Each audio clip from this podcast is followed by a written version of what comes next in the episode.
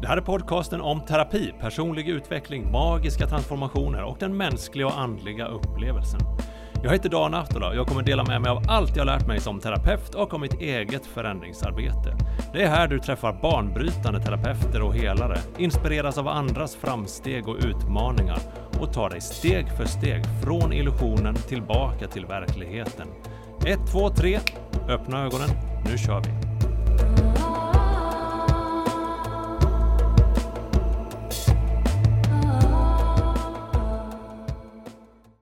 Hallå igen kompis och välkommen till 1, 2, 3 Öppna ögonen som just i denna stund precis håller på att passera tusen lyssningar, något som jag är väldigt glad och tacksam för. Första gången jag förstod att breathwork började bli en stor grej, det var när jag fick syn på Wim Hof. Och kanske är det så att det krävs en skäggig gubbe som springer omkring i underkläder och svär för att en terapiform ska få det uppsving breathwork fått och förtjänar. För att ja, andas, det har vi ju uppriktigt sagt gjort ända sedan innan de gamla grekerna. Och jag vill passa på att tacka Annika Lindgren i Malmö och Inge Gustafsson här på Österlen som var de som först introducerade mig till begreppet för många år sedan. Under min Stockholmsvistelse i oktober, som ni delvis hört om i Canva-avsnittet, så passade jag på att träffa Mattias Forsblad som presenterar sig som rebirthing breathworker och transformativ coach som hjälper människor läka sitt förflutna och skapa sin framtid. Inte bara det, han hjälper även andra coacher och terapeuter med marknadsföring och att få in fler kunder. Det är du! Det var bara andra gången vi träffades. Första gången hörde om i början av avsnittet, men jag tycker vi vibade bra och jag uppskattar verkligen Mattias trygghet i sig själv och självklart också i det han gör. Som en bonus till det här avsnittet så lägger jag upp en breathwork-session med Mattias. Glöm inte att kolla in den. Innan vi hoppar in i avsnittet ska jag göra något som jag blivit påmind om att göra, att pusha för mig själv. Jag arbetar ju inte heltid med att podda utan spenderar dagarna som hypnoterapeut som bland annat jobbar med scenskräck, prestationsångest, emetofobi. Jag hjälper dig att rensa ur det gamla bagaget du burit på så du kan komma vidare starkare, friare, lyckligare. Vill du ta ett samtal med mig om hur jag kan hjälpa dig så kan du boka in ett kostnadsfritt konsultationssamtal på Boka Direkt. Gå in på bokadirekt.se och sök efter Dan Attola.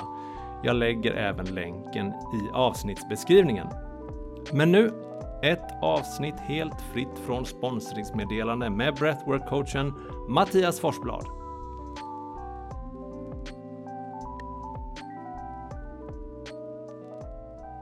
Vi ska börja med att prata om när vi såg senast. Det var på ett event som hette Breath of the Jaguar. Mm. Ute på en eh, gård i Skåne, nära Malmö. Kan man kalla det en breathwork-kurs? Ehm, eller en Ja. utbildning? Alltså det var väl en form av workshop i, Ja. i breathwork och det arbetet som vi gör med, med rebirthing och breathwork. Så dels bara breathwork men också lite så hur man jobbar med breathwork för, för healing och som terapi liksom. Jag hade ju en eh, väldigt stark upplevelse där som jag tänkte du skulle kunna hjälpa mig att Mm. jag vet inte, tolka eller förklara eller bara bekräfta att det faktiskt hände. Absolut. Ja. Och om vi ska liksom hoppa in i, i själva händelsen. Det här var givetvis inte det eh, enda som hände under den här workshopen. Men det var under en andningsövning någonting som kallas eh, connected breathing, eller hur? ja, precis. Conscious connected breathing Conscious kallar man generellt den formen av breathwork som Ja. används under lite mer så längre, kraftfullare breathwork. Exakt, och eh, jag uppfattade det som att det var så mycket längre, men kraftfullt var det i alla fall. Mm. Ehm, och för mig var det som att jag låg och andades tills jag kände att det började byggas upp någon form av energi i kroppen. Mm.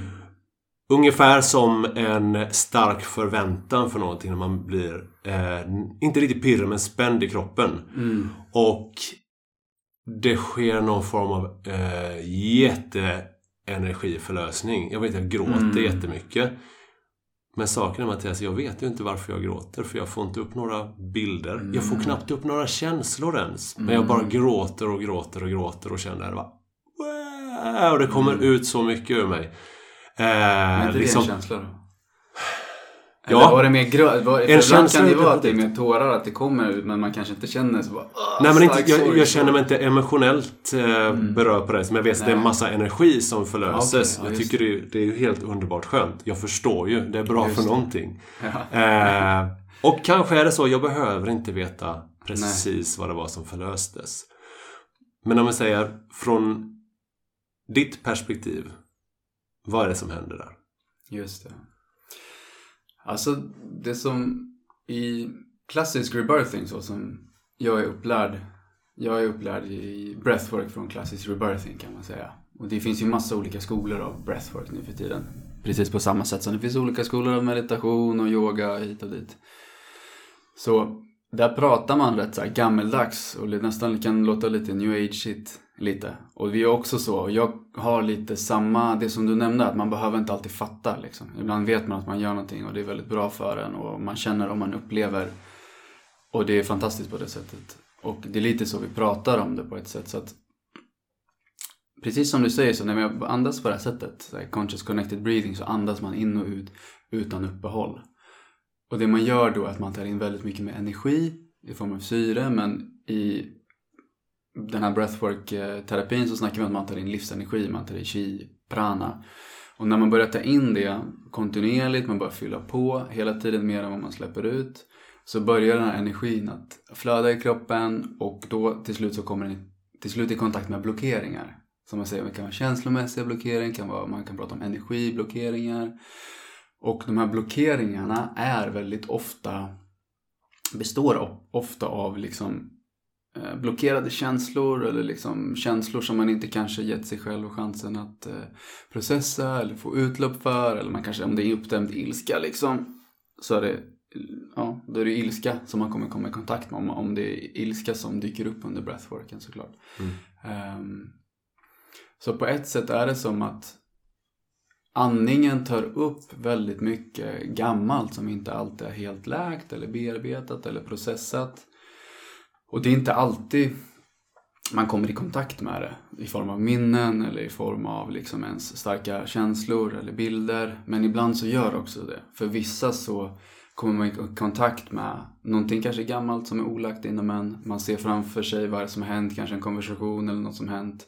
Relation som avslutas eller kanske något bråk eller en familjemedlem eller någon man saknar väldigt starkt. Liksom. Man ser det framför sig samtidigt som man kanske börjar känna om det då är till exempel sorg eller om det är saknad eller om det är mer ilska. Eh, Så kanske man börjar känna det som man inte tillät sig att uttrycka. Eller det som man inte tillät sig att kommunicera eller förmedla.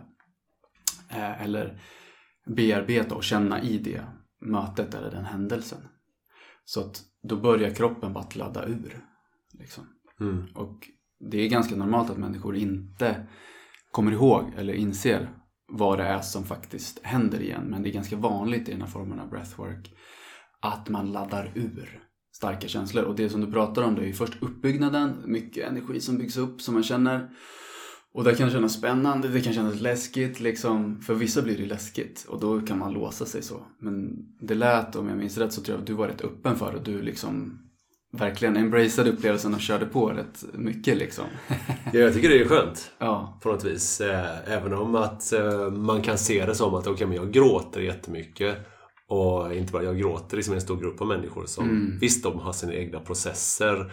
Och jag förstår ju det, det är mitt gamla tänkande. Typ, åh nu Ja. tycker alla att jag är konstig. Men alla ligger ju och liksom bölar på sitt håll. Ja. om man säger så. Eh, Men att Ja men det är just intressant att det är precis, men precis det som händer. Just uppbyggnaden. Eh, och jag fattar ju det också där när man låser och inte riktigt vill. För det känner jag också, man spänner hela kroppen på något sätt och sen när man släpper. Ja, precis. Det är då förlösningen. skönt. Ja, verkligen. kan komma. Vad brukar hända? Alltså i, i Mm. sådana här workshops till exempel, vad brukar komma upp för, man, för folk? Ja. Ja, alltså det, det är väldigt mycket beroende på vilken vilket tema man sätter eller du vet vilken, vad man pratar om innan eller vad man kanske uppmanar folk att komma i kontakt med. Och, så det är lite liksom som i psykedelika så säger man att så här, man jobbar med psykedelika på olika sätt, så säger man att set och setting är väldigt viktigt. Alltså vilken miljö man befinner sig i, vad det är för energi man har runt omkring en, hur stämningen är i gruppen. Men också en set, ens mindset. Vad är det man kanske har för intention eller vad är man inställd på? Um, vad vill man jobba med? Att det sätter ton väldigt mycket för upplevelsen. Och breathwork är väldigt liknande. Det låter som att det är, det är ett väldigt ansvar på dig då. Ja, det Att, blir att, det. ha, att ha den hållande Ja. rollen. Hur Precis. känns det för dig? Nej men det är en del av arbetet liksom. Det är därför jag gör det arbetet. Och...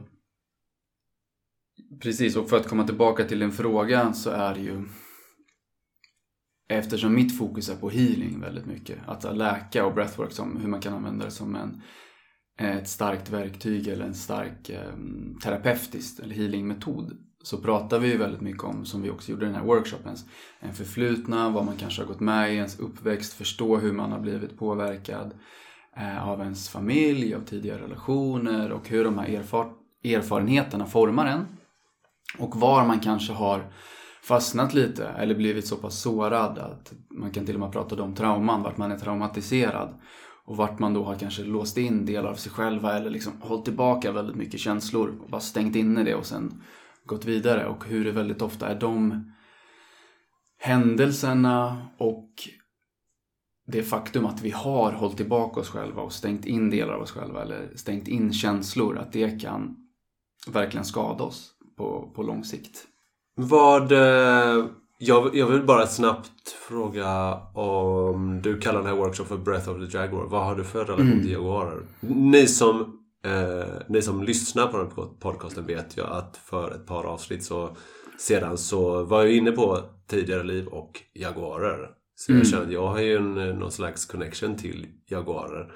Eh, jag, kan, jag kan inte gå in så djupt på dem för jag vet inte riktigt vad det är. Det är bara att, här, att jag älskar jaguarer. Så det var inte bara därför jag kom dit. Men jag vet ju också att det var flera deltagare på workshopen som sa, att ja, jag går, jag kommer. Utan att veta vad det, vad det handlar om egentligen. Och jag älskar ju det. Att, det. att det finns någonting som bara är så eh, magnetiskt med det. Något som talar så starkt till människor. Ja, Nej, men det kom till mig. Jag bodde i Mexiko sju, åt, sju, åtta månader nu den här vintern. Och där kom jag i kontakt med jaguaren också. För den var väldigt närvarande i eh, Chiapas där jag bodde. Det är liksom, det är väldigt mycket människor eh, och folk därifrån som, som har ursprung från maya-indianerna.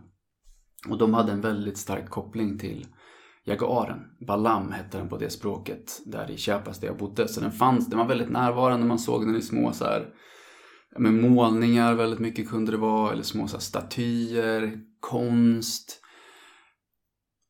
Så där fick jag en ganska stark koppling till det. Men några år innan så hade jag varit på en, en, eh, gjorde en vision quest på ett så här mansretreat. Och då skulle man hitta sitt, så här, komma i kontakt med sitt spirit animal. Och då gjorde de en sån här guidad meditation, en liten sån här vision quest tror jag de kallar det. Och då skulle man möta olika djur och sen skulle man se vilka, liksom, se vem som kommer till en mer. Och då hade Mm. jag någon sån upplevelse eh, när det kom en väldigt så här, intensiv stark blick, liksom väldigt mycket närvaro och energi. En jaguar kom fram till mig, verkligen. Ehm, och där fick jag en sån stark liksom, koppling och relation till jaguaren.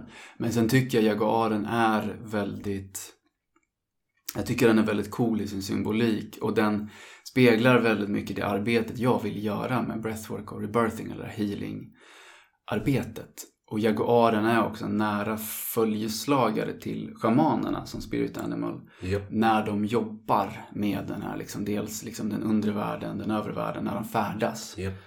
i liksom andevärlden så är jaguaren som en följeslagare och en stark beskyddare. Mm. Och som en, en spirit så säger man ofta att jaguaren är fearless. Alltså den representerar liksom fearlessness för den har inga naturliga vad ska man säga, fiender eller liksom predators som är över den i näringskedjan. Den är högst upp i näringskedjan i djungeln så att den är alltid bara helt orädd. För det finns ingen, det finns inga hot förutom människan nu för tiden liksom. Mm. Och det tycker jag är en fin symbolik att ha med sig när man gör sånt här djupt healingarbete som breathwork och rebirthing representerar för att man det är alltid rädslan som Mm. håller en tillbaka från att kanske läka på djupet. Ja, för de har ju, det är en väldigt stark symbolik med det, det transformerande, det gränsöverskridande här som sagt exakt. mellan eh, mörkret, ljuset, mellan den fysiska världen, den andliga världen Mm. och att jaguaren som enda kattdjur Mm. eh, trivs i vatten till exempel. Mm. Jag, eh, det dyker upp en bild när du säger just det här med att de är orädda. Jag har ju sett jaguarer som hoppar på typ kaimaner. Ja. De äter ju sådana stora krokodil, de stora krokodildjuren. Ja, de ger sig Eh. på allt alltså. Ja, ja. Ehm, de här liksom, dinosaurierna som ligger och solar. Men de hoppar på dem och biter ihjäl dem. För att ja, jag ska ha mat nu. Ja. och sen tror jag att det är någonting också med, precis som med tigern. Det är något speciellt med tigern och Mm jaguaren. Kanske leoparden också, men jag tror framförallt tigern och jaguaren. Så man, man förstår att de på något sätt kan... De jobbar på ett annat sätt än andra rovdjur. Att de som till exempel har överlevt en eh, tigerattack har upplevt precis innan att det kom över dem som en, en känsla av hopplöshet. Mm. Att de blev nästan som förlamade. Ville ingenting, som bara att de tappade all ork och all energi och sen så kom tigern. Som att de skulle kunna utstöta någon form av Och då innan de här djuren ens Precis. vet om att tigern eller Precis innan närvarande. tigern attackerar så får de någon form av hopplöshet. Som, som att de bara tappar all lust, all energi. Och sen kom tigern. Ehm, Vadå, det har man kunnat se liksom när man tittar på nej, de som har överlevt tigerattacker. Eh, Ja, människor, människor alltså. människor. Människor som har överlevt om- tigerattacker. Ja, eh, har sagt det då. Och att man då har någon misstanke att det kan vara något, till exempel ett slags infraljud. Nej, heter, inte, heter det infraljud? Men ett sånt riktigt lågt basljud som vi inte kan höra men som påverkar kroppen. Alltså någonting man känner av dem innan man liksom rent fysiskt ser eller hör deras Precis. närvaro så känner man verkligen av dem. Och jag har känslan av att jaguaren, den arbetar lite på samma sätt. Mm. Man skulle också kunna se det som att det är någon form av eh, telepatisk kontakt. Ja, kanske dess energi, alltså man kan känna av energier. Det vet man ju Ja. som människor, vi kan känna av Men eller, mellan rovdjur och byte också. Mm. Att nu tänker jag äta dig. Vi gör det här enkelt bara. bara lägg dig och... Och det ser man ju också med, eh, om man ska se på, jag håller precis på och läser, eh, vilket är en fantastisk bok, Waking the Tiger. Där de pratar om eh, trauma och den fysiologiska delen av trauma. Där han då eh, jämför med hur Ja, eh, det. trauma, hur det Eh, påverkar. Peter Levine eller? Precis. Det. Dr. Peter Levine. Eh, han kanske inte är doktor förresten, skitsamma. Ehm, men han pratar om att bytesdjuren fryser. Och att då är det fryser, stäng, de stänger av för att inte känna den här smärtan när de typ blir uppätna levande. Eh, för så är det ju ofta att de dör inte först utan de blir uppätna först och sen dör de. ungefär. Okej, så Ehm, freeze- freeze-responsen är för att inte känna något. är för att inte känna, stänga av. Man stänger av allting för att, Ja, det för så att döden ska vara så behaglig Ja, ungefär ja. som möjligt. Okej, och det är så vi människor gör också för att inte behöva deala med Ja, men det han, För det starka han, känslor det han menar är ju såklart Mm. då att om inte den här eh, stressen i traumaresponsen, flykt eller frys, om inte Mm. den blir bearbetad så stannar den kvar. Exakt. Eller man minns den för att ja, men då kan jag använda den nästa gång också Ja. för det funkar ju Ja, för att överleva såklart. Ja är det. spännande. Vad hände första gången när du eh, provade på eller eh, såg eller hörde om breathwork? Alltså jag hade kommit i kontakt med mer så kraftfull andning och med övningar tidigare. Redan kanske för sex och ett halvt år sedan, sju år sedan så kom jag i kontakt med det i form av yogan, pranayama. Man andas, man gör alltid nostril breathing eller breath of fire och så vidare. Och sen lite tag senare kom jag i kontakt med Wim Hof. Och Wim Hof-andning var nog den första så starka breathwork-upplevelsen som jag hade där jag verkligen kände att wow, det här är kraftfullt. Man andas på det här sättet in och ut kraftfullt. Det är också conscious connected breathing, bara det är väldigt, det är ganska, det är väldigt kort. Man gör det kanske 30 gånger liksom. Och sen håller man ut andetaget, håller in, kallduschar. För mig, det var första gången jag kom i kontakt med det när jag kände att så här, wow vilken boost det här är. för mitt välmående, min energi, liksom hur bra jag mår inombords. Så. Men för nästan fyra år sedan så, det var då jag kom i kontakt med rebirthing breathwork, den här formen av breathwork som jag själv jobbar med och faciliterar. Och då befann jag mig på en plats i livet där jag mådde väldigt, eh, ja men jag mådde inte bra. Jag hade gått igenom mycket och där kände jag att jag var fast i liksom disconnection. I någon form av traumarespons kan jag nog säga liksom efter att min pappa hade gått bort. Och jag befann mig några månader senare efter det hände, efter begravningen och allt så bestämde jag mig för att men jag fattade, jag mådde väldigt dåligt. Jag hade gått igenom annat också. Som, liksom, så jag kunde liksom känna att okej, okay, jag är inte på en bra plats nu. Jag mår inte bra. Och jag behöver verkligen eh, komma ur det här. Om jag ska fortsätta, fortsätta arbeta, fortsätta med livet igen. Så då åkte jag till Thailand. Eh, som har varit mitt go-to place när jag behöver healing eller behöver gå igenom någon sån stark process i livet. Och efter att ha varit på ett tyst retreat 13-14 dagar fick för mig att det skulle vara en bra idé. Det var jätteutmanande, för jag mådde inte bra. Jag hade egentligen behövt prata, jag hade jättemycket känslor inombords jag hade fått utlopp för. Så åkte jag skulle vara tyst och bara sitta med mig själv i 14 dagar. Um, var på något annat så här healing retreat, ett så buddhist challa med någon form, med en fantastisk kvinna som jobbar mycket med så channeling och så vidare. Och alla de här upplevelserna, det hjälpte. Jag mådde väldigt mycket bättre. Så att allt, det ledde liksom till att jag började må bättre, liksom öppna hjärtat igen. För det var väldigt mycket det för mig. Jag tror jag stängde hjärtat efter allt det jag gått igenom. Men det var först när jag kom i kontakt med rebirthing breathwork och hamnade på en klass med rebirthing eh, och låg och andades på det här sättet som det bara, alltså det bara vällde upp känslor. Sorg och ilska och allt möjligt. Det var så blandat liksom. Och precis som du säger så var det bara, det var så mycket energi som jag kände byggdes upp men sen förlöstes. Och efter den förlösningen så var det bara som att, alltså jag kände mig levande igen. Mm. Så att, alltså det var det att det, det, är svårt när man är i något sånt här så det är svårt att beskriva allt som händer. Men jag, jag vet att jag kände mig avstängd på ett sätt för människor mot världen.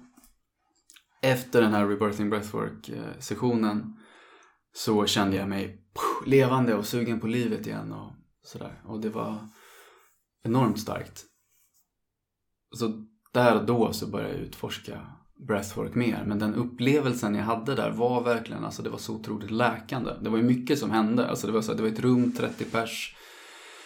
Vissa skrek, vissa lät som de nästan hade, du vet, de fick skrattanfall, det var eufori. Det var så blandat, vissa låg och grät. Liksom, jag tror jag var pendlade mellan allt det här på en enda session. Så det var ju otroligt mycket som hände. Eh, som jag också, jag förstod det inte alls då, men jag visste om att, ja ah, shit det här gjorde bra för mig. Verkligen. Mm. Mm. Och då beslöt du för att Ja, men det här måste jag jobba med. Ja, jag fortsatte gå på flera um, rebirthing-klasser. Jag utforskade andra former av breathwork. Jag utbildade mig i något som heter Soma Breath sen. Så att Kopanjang på den tiden och säkert fortfarande så det var väldigt mycket en hubb för. Då var breathwork inte så stort i världen än. Det var fyra år sedan.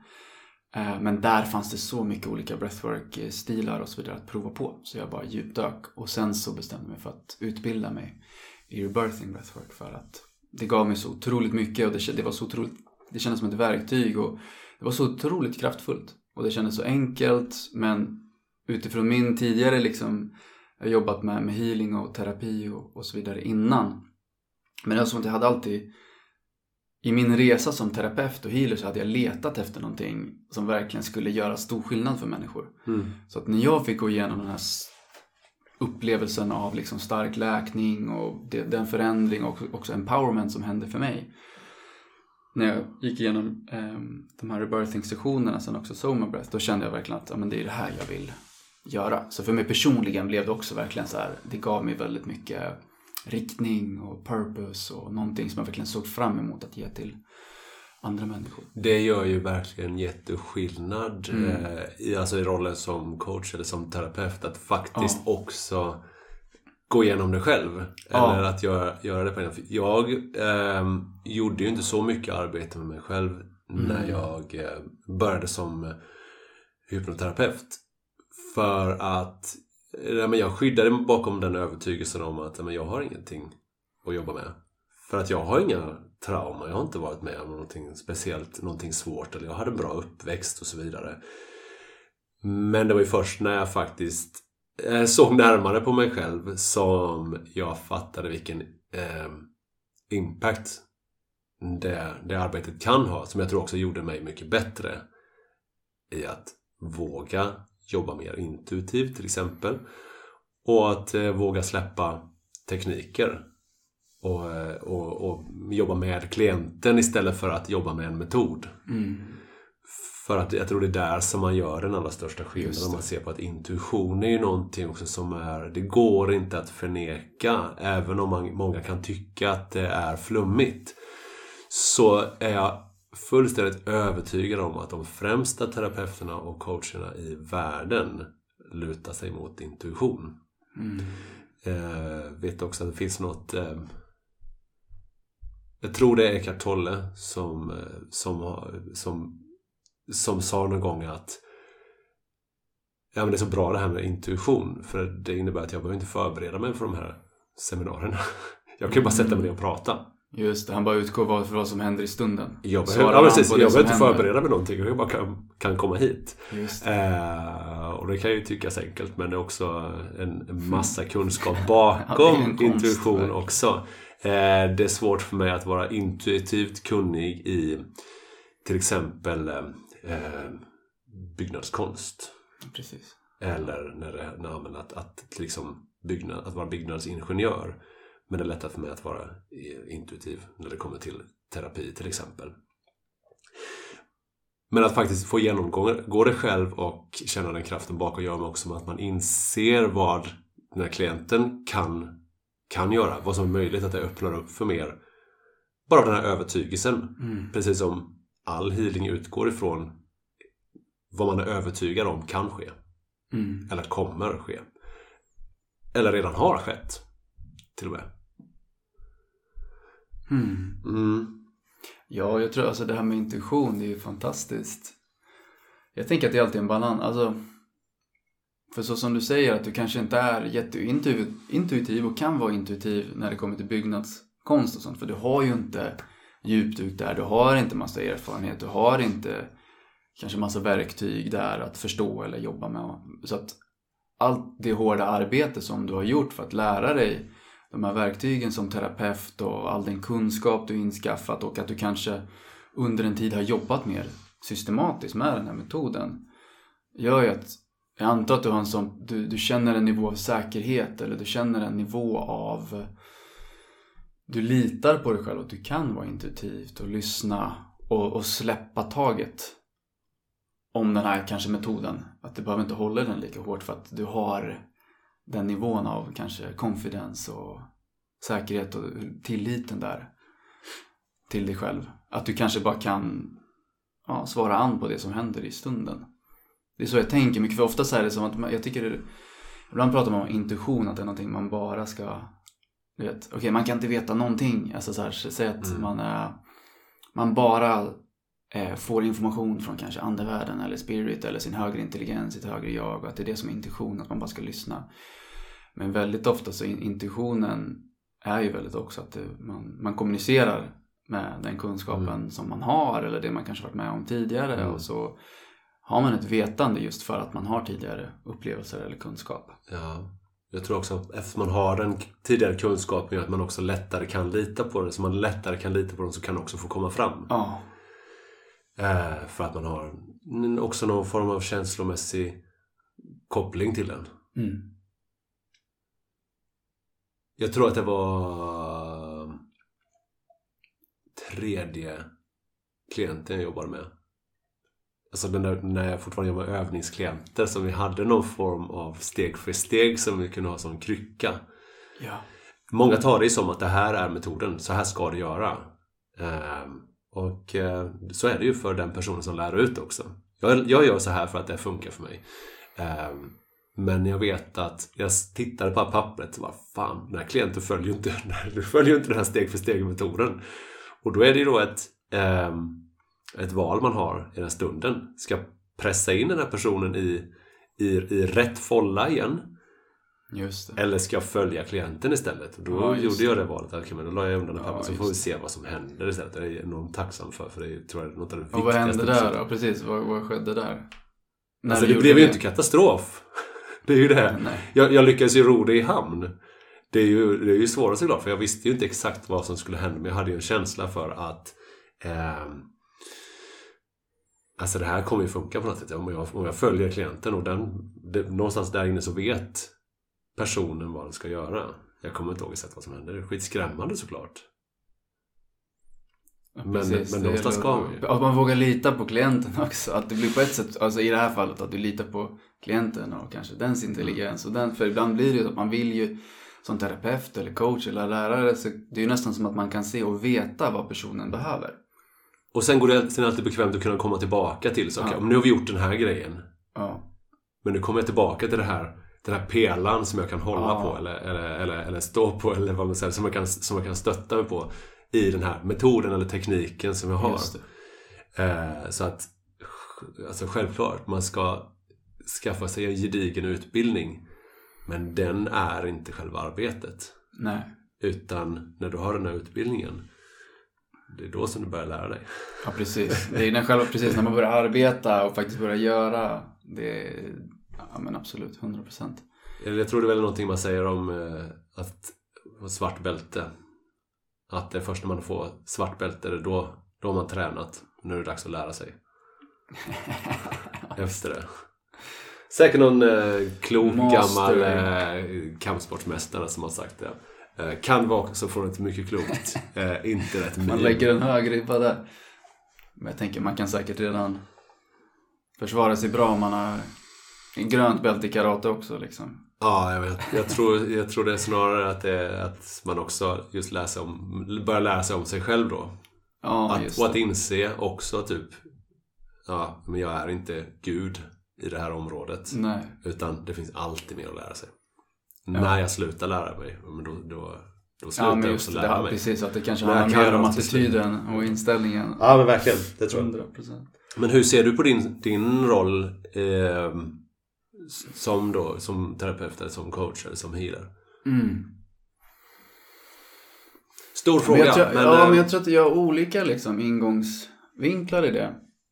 Och jag tror att alltså, på ett sätt det blir skillnad i liksom, som heal, man kan så prata om healing och coaching tror jag skiljer sig rätt starkt åt. I tillvägagångssätt. He, alltså, så här, traditionellt sett med healing så säger man ofta liksom att, så här, att healerns roll är att hålla space för healingen att hända eller läkningen att ske någonstans. Sen är det klart att man gör någonting mer än det. Även om, liksom, om det är energihealing så förmedlar man energi eller liksom kanaliserar energi eller vad man vill säga. Um, om man är en manuell terapeut så, så jobbar man ju fortfarande med kroppen och så vidare.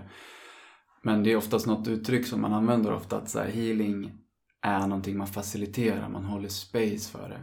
Och det är lite så jag ser på det i, i breathwork-arbetet som är rebirthing breathwork-arbetet. Att min roll där är att okej visst, det ser till att personen håller den här andningen levande.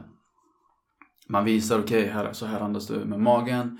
Du kanske behöver öppna upp mer, andas mer här i bröstkorgen. Du behöver jobba mer med liksom solarplexus. Man, kan, man går in och coachar där och säger ja men det här kanske du behöver tänka på.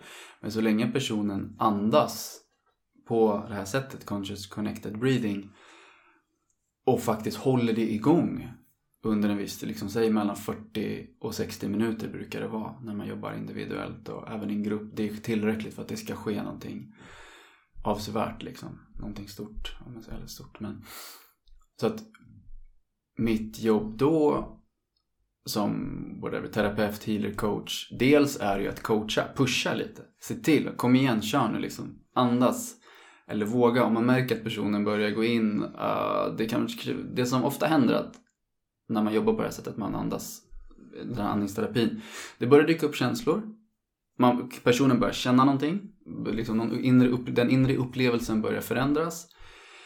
Det kan vara sinnes... Eh, medvetenheten förändras, en sinnesnivå förändras. Det kan kännas läskigt. Det kan hända saker i kroppen fysiskt som är läskigt. Det kan eh, dyka upp känslor.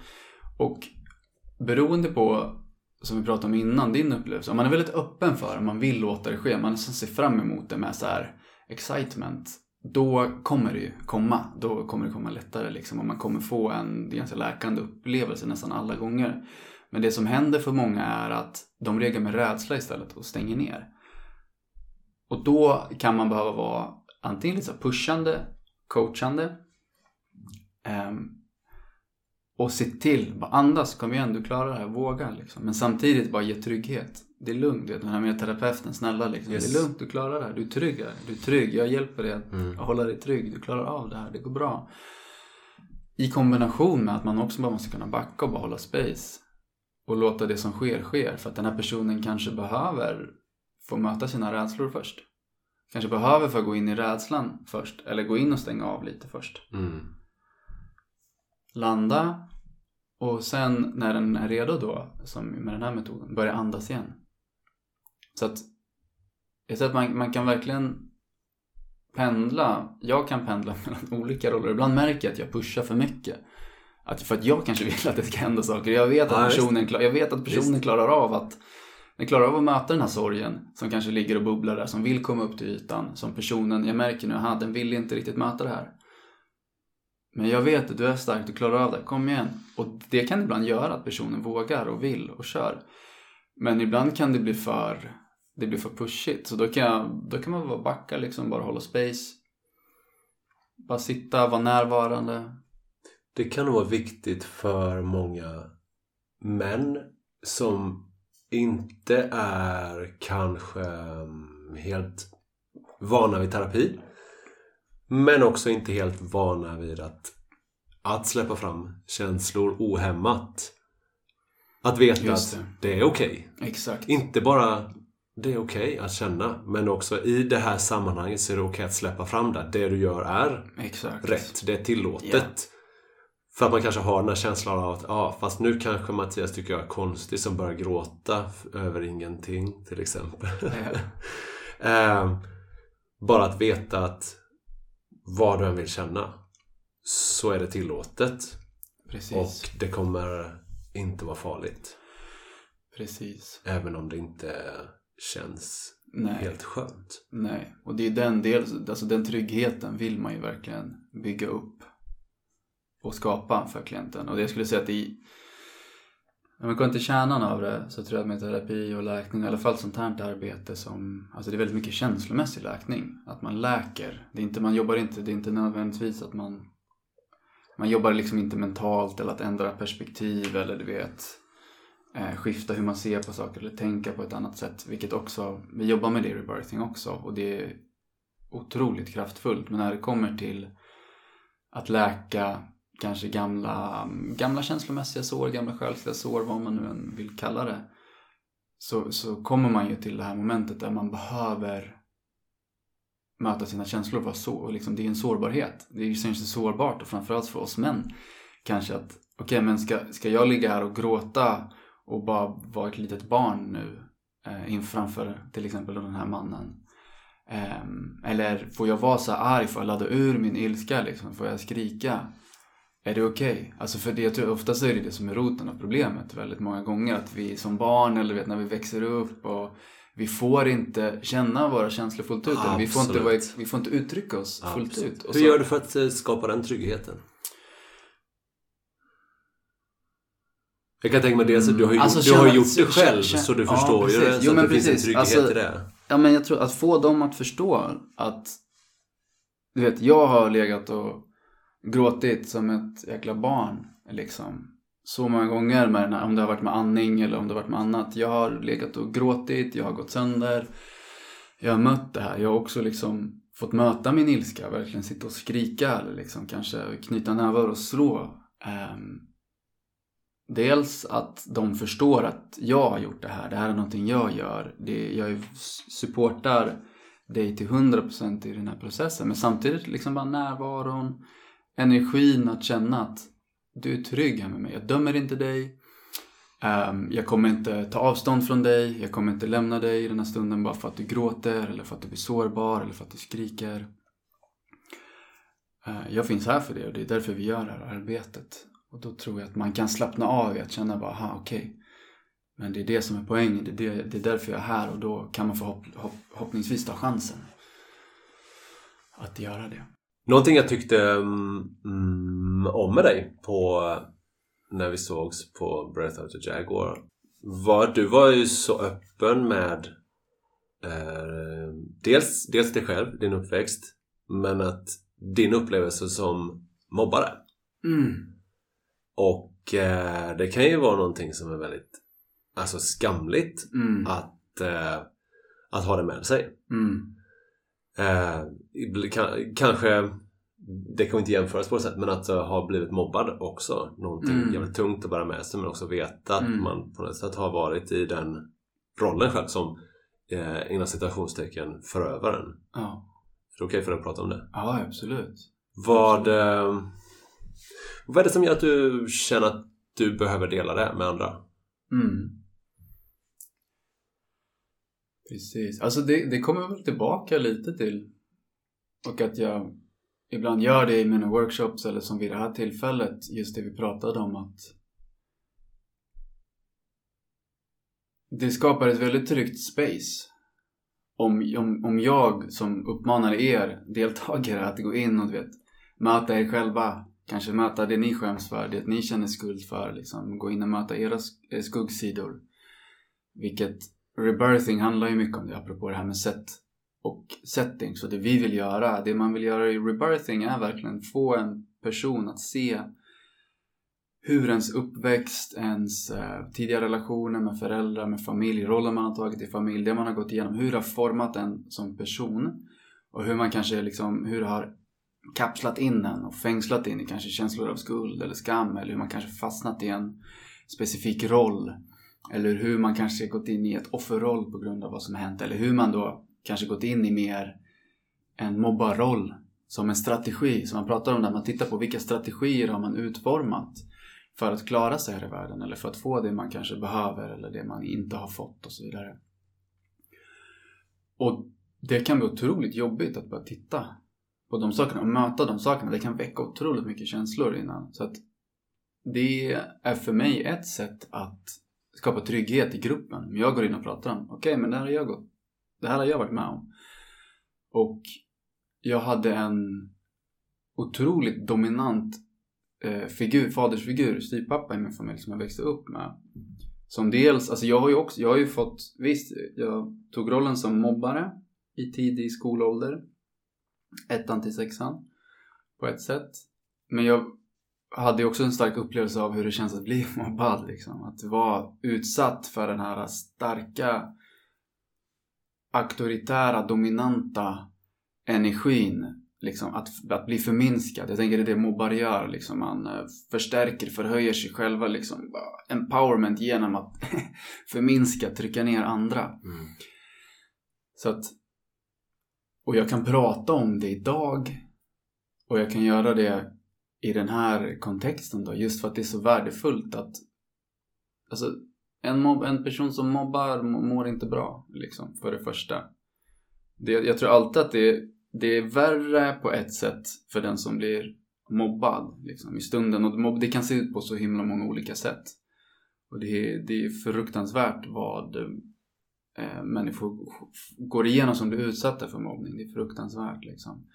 Men personen som mobbar mår alltid skit. Det kan man nästan lova liksom. Och den har säkert en familjedynamik hemma där man själv får ta väldigt mycket skit. Jag kan tänka mig att man på något sätt man, man får en massa energi eh, ovanifrån som man inte kan hålla inom sig, som man inte kan någonting, så man måste på något sätt föra den vidare. Mm. Och det är ju lite lustigt därför att alla vet att ja, men den som mobbar mår oftast inte bra. Mm. Men ändå så tar vi åt oss så oerhört mycket. Men det är också för att, så att säga, i själva den arketypen som jag tror vi bär Mm. alla på eh, kapaciteten eller förmågan eller eh, vi kan alla vara mobbare för vi bär på den arketypen. Den arketypen har ju också som en form av den ljusa sidan av mobbaren är ju att kunna påverka, att influera andra Ja.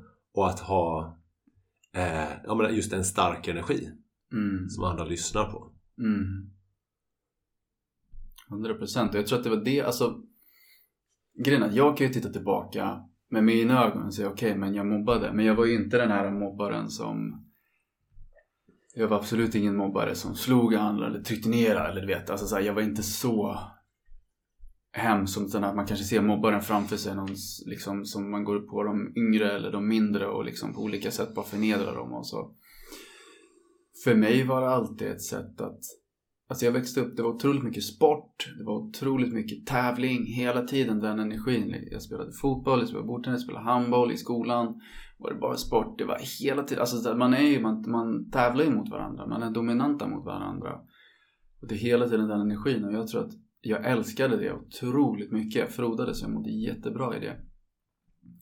Men jag tror att på grund av osäkerheter som jag hade inom mig eller på grund av vad jag hade lärt mig och sett från till exempel då min styvpappa. Alltså så här, hur man kan trycka ner, alltså det var inte som att jag ens tänkte att det här att trycka ner andra. Men man, så här, man, skäm, man, ger, man ger narr av saker, man ger narr av människor när de är lite dåliga, när de gör fel. Så gör man narr av dem liksom lite så. Så det var ju ganska så här, på ett sätt, för mig var det nog ganska oskyldigt men det blev ju inte alls alltså och sen blev det värre och värre och det kunde vara liksom att man eh, eh skämtar väldigt öppet om en person i klassen. Det var en person som jag var väldigt otrevlig mot liksom och verkligen så, uh, ja, var jävligt onajs mot verkligen. En annan kille som gjorde alltid narr av honom när han skulle gå upp och prata inför klassen till exempel. Um, blev kallad, fick gå till rektorn en eller två gånger just för att jag höll på så i klassen. Men jag fattar inte mer liksom riktigt egentligen, ja men vad är det? Okej, jag är så här, men vadå? Det kan man väl ta, typ. Mina föräldrar fick aldrig höra om det, de visste inte om det. Och okay. så, nej, så det var lite, så det var en intressant, det var något intressant som hände där. Och sen var det som att det trappades upp mellan oss killkompisar. Och det var framförallt jag och en annan kille, vi höll på så mot varandra ganska mycket. Jag kanske var lite värre, eh, men han var också väldigt dominant. Och det, gick, det kom till en punkt där jag nästan började frysa ut honom, trycka ner honom. Och han började hålla på likadant mot mig. Men till slut vände det liksom. Sen började jag bli offer ganska mycket för det här. Att de andra killarna gaddade ihop sig och gick, liksom, gick emot mig på ett sätt. Och det var någonting som hände där. Jag fick någon medvetenhet, om att shit vad det här är vidrigt beteende. Vad håller vi på med? Alltså så här, också som killar som tävlade så mycket i alla sporter. Så helt plötsligt blev det överväldigande för mig. Alltså jag bara tog av, jag var tvungen att ta avstånd från allt. Hur gammal var du då? 12 kanske, mm. 11, 11, 12. Ehm, och så, därefter blev jag jättekänslig för mobbing. Sen, var, sen alltså, då blev det som att jag om jag såg eh, någon andra killar vara taskiga mot någon annan, eller vet, kanske det går på de kanske lite svagare killarna. Då skulle jag alltid stå upp för dem liksom. Eller då kanske jag gick på dem för att jag kunde också vara stark och då kunde jag trycka ner dem liksom. Att jag, jag blev så hyperkänslig. För att jag fick uppleva det själv och fick känna, uff, det här är så ja, men obehagligt liksom och verkligen så att det, det var en väldigt stark läxa som jag någonstans tror att ja, jag behövde lära mig det. Jag fick lära mig den hårda vägen att jag var faktiskt taskig mot andra. Jag var så social, alltså det är någon som du säger, någon form av social dominans. Mm. Eh, men i mobbning att verkligen man riktar det mot en person. Jag tänker att det är det som är mobbning. Liksom. Man riktar det mot en person och får den att känna sig dålig liksom eller eh, man kan ju istället vända det åt andra hållet som jag försöker göra idag i mitt arbete som även du gör. Man använder samma nästan energi och samma förmåga till att lyfta, vilja lyfta upp människor. Men när man har, jag tänker som du också, jag känner ju också dig och ditt arbete, hur du jobbar, när man har den här kunskapen. Den kunskapen som du jobbar med idag och som jag tänker att man jobbar mycket med som ja, men hypnosterapeut och NLP och den här typen av coaching och terapiarbete som du gör. Man skulle kunna använda de kunskaperna för att få en, människa, en människa om skit. Ja, absolut. Om, om du säger, precis som du säger, ja. du kan se något hos en person och liksom trycka till den. Ja. Du vet att där är det känsligt eller där är det ömtåligt. Ja. Och man skulle kunna leka med den tanken och säga att men jag ser någonting i dig som är sårbart. Ja. Jag ser det. Mm. Istället för jag dömer inte det för men jag ser att du har det där inne. Ja. Det händer ganska mycket då, eller hur? Ja, absolut. Verkligen. Och ja, det, precis, och det, var, det är lite som du säger, alltså jag tror att jag tror att det var, det var ju någonting jag använde för att skapa mig en plats socialt. Alltså som man gör i den åldern.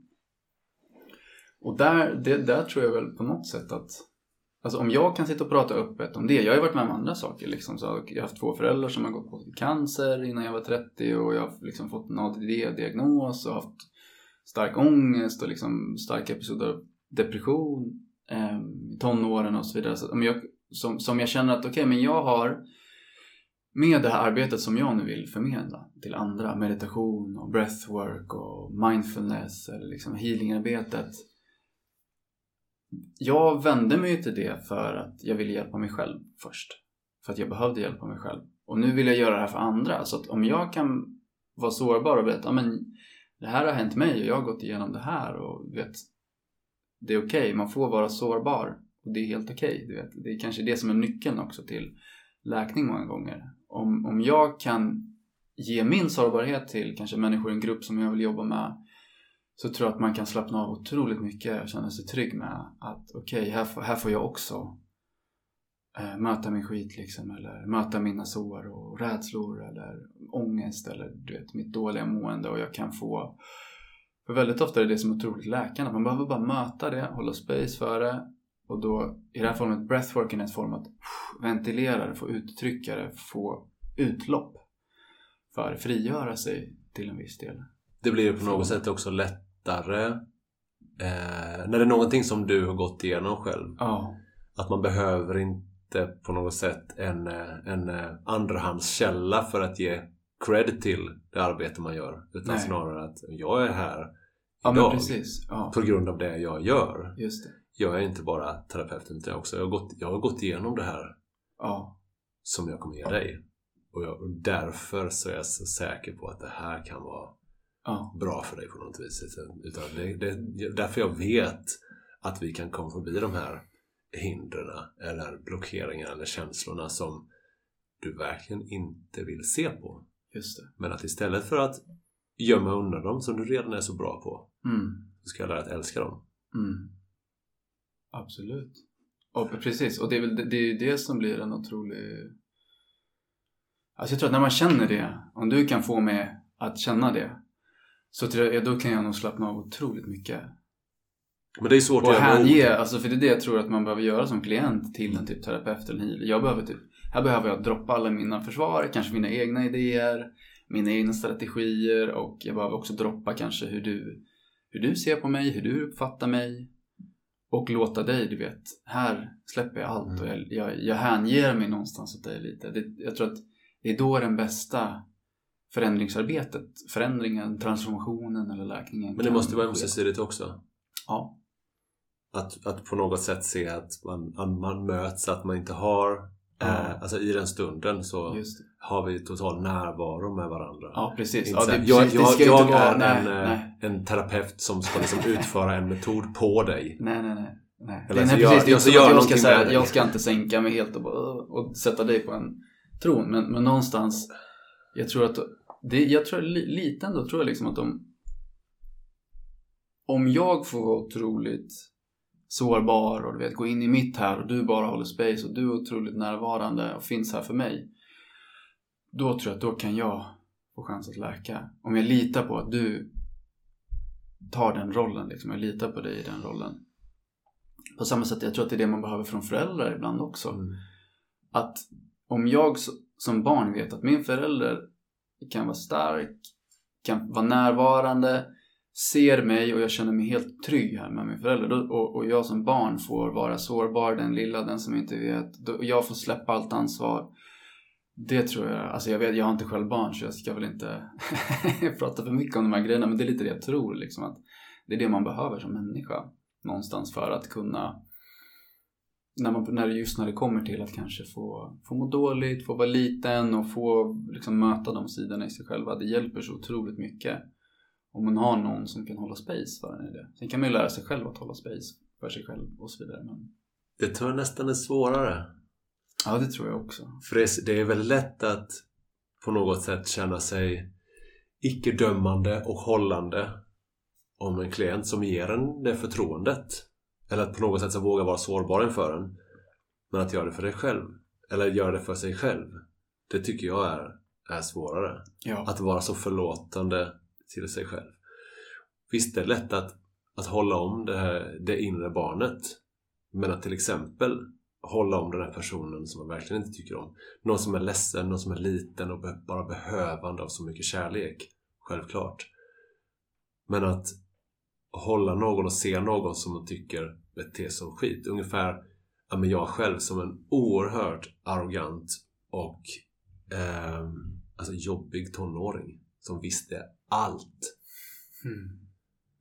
Och som, ja, men jag har, jag har ju rätt i allt så varför ska jag lyssna på någon annan? Ja, just det. Alltså, Men alltså, du förstår väl att jag inte kan lyssna på dig för du har ju fel? Till, men typ så. Ja, ja, 100 procent. Jag har, jag har svårt att möta den dagen. Ja. Eh, Men den har jag också. Den Mattias. finns där men också, det, men det, är också, det ingår ju såklart också, det är ju en enorm osäkerhet i det.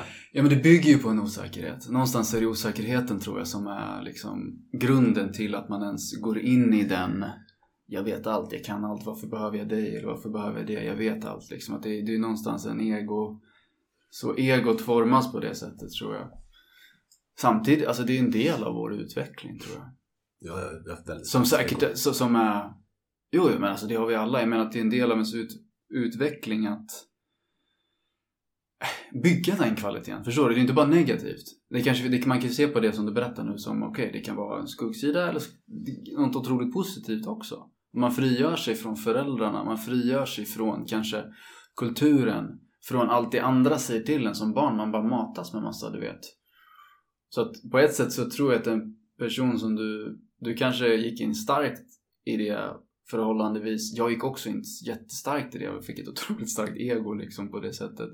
Men då kanske man bryter sig loss ännu hårdare från ens familjemind eller du vet, det som ens familj har lärt en eller det som skolan vill säga till en och man du vet, man blir en fri tänkare någonstans. Um, Ja, men dessutom kryddar det med lite liksom, anarkistiskt tänkande. Liksom, vadå, det är fel på hela jävla systemet. Det är fel på alla. Alla auktoriteter har fel. Yes, Så att varför ska jag lyssna på någon exakt. överhuvudtaget? Och så vet man själv in- ingenting. Samtidigt som man vet allt. Men det är så Det är man inte då. Det kommer man fram till lite senare. Bara, oh shit, jag kanske inte vet.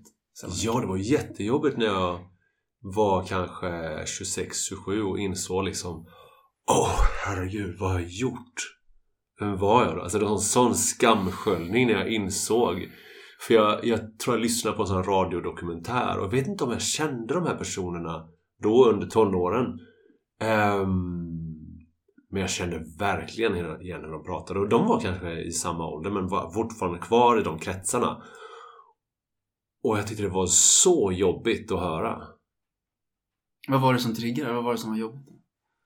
Nej men den, den här eh, nonchalansen. Mhm. Den skygglapparna. Aha. Att inte såhär, men jag, jag har ju rätt. Okej. Du har ju fel. Så som jag, det är klart jag inte kan lyssna på dig. Så du såg dig själv hur du hade varit? Du såg hur du hade varit i de Ja, sekunderna. och de var liksom i samma ålder. Och var fortfarande kvar. I samma de cirklarna och insåg liksom fan vilket sekttänkande. Eh, och jag kan ju liksom på, till viss del givetvis ha samma anarkistiska tänkande. Men eh, herregud. Att våga se människor och våga vara öppen eller öppenhjärtlig och sårbar inför människor. Mm. Det har liksom varit så betydelsefullt för mig. Ja, det är inte det lättaste alltså. Och det är framförallt svårt när man har kommit från den här och också som man igen liksom. Man ska vara stark, man ska, du vet, man, Ja. man har byggt upp det. Det kan ju bryta ner en totalt när man då hamnar i situation eller liksom släpper alla de här försvaren och ska... Mitt egot var jättestarkt men egot Ja. är ju också, det var ju därför att det är ett skydd. Exakt. För att det finns någonting där Ja. inne som behöver skyddas. Ja. Eller som jag tror behöver Ja. skyddas. 100%. Och kanske är någonting som jag tror är sårbart eller tror är svagt. Då Exakt. ser man bakom det här skyddet och ser Helvete, det har ju en sån enorm styrka det här. Ja. Ska jag skydda, eller ska jag stänga in den här eh, kärleken? Eller vad det nu är. Jag stänga in den här värmen? Det har jag ju de senaste två åren fokuserat mer på. Bara vara att, att öppna förkänsla att öppna hjärtat. Mm. Och det är så jävla speciellt. Också svårt, för jag vet inte riktigt, men vad är det som händer? Jag vet inte, men det händer jättemycket hela tiden. Bara så här, att jag kan känna saker. jag Ja, känner det- saker så mycket mer. Och jag liksom är så mycket förlåtande mot människor. Jag har varit så oerhört dömande. Mm. Mot mig själv, givetvis, men mot andra också. Och att på något sätt gå- försöka gå ifrån det. Pågående arbete som jag tror aldrig kommer att ta slut. Mm. I någon mån kommer jag alltid vara dömande mot andra. Mm. Eh, men jag är nog medveten om det. Ja. Och eh, men som, det är också mer som privatperson. Ja. Det är också lätt att vara terapeut en dag. För då Ja. kan jag gå in i den här rollen av att då har jag inte den här historien egentligen. Precis, har du, får du det fortfarande också som terapeut och coach? Har du lätt att gå in i den rollen i dina nära relationer och liksom familj eller du vet om det är en nära relation, partnerrelation? Har, kan du gå in i den relationen då? Så för det gör jag.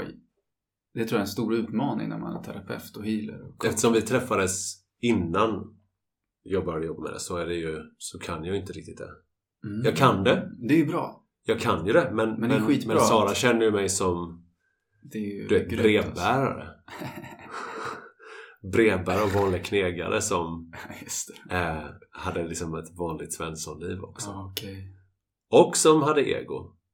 Och som inte alls var intresserade av liksom, personlig utveckling och läkning. Kanske var mycket liksom, mer lättsam. Men det är nog, Och det är nog bra. Men ganska ytlig. Ja, fattar. Så att hon, hon, ser, hon ser om du skiftar in i den rollen. Hon bara, ah, Jag har ju, jag har ju genomgått en jättestor förändring och hon är kvar. Det tycker jag är mest fantastiskt. Mm, Att vi liksom växer, växer närmare varandra. För att det är ju också någonting som jag ser i, med mina klienter. Att någon, någon förändras, någon växer och då håller det inte längre.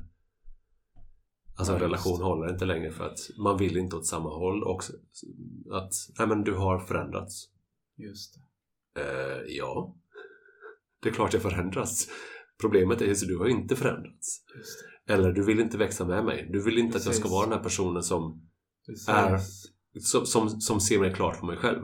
Nej. Som, släpp, som skalar Exakt. av alla Jag ville ju vara med den du var när vi träffades, inte den personen som du kanske utvecklas till. Eller? Ja. Nej, men nu, att man, alltså, att, För att man hade mer av så vill man hålla tillbaka den andra. Liksom. Att, nej, stanna kvar.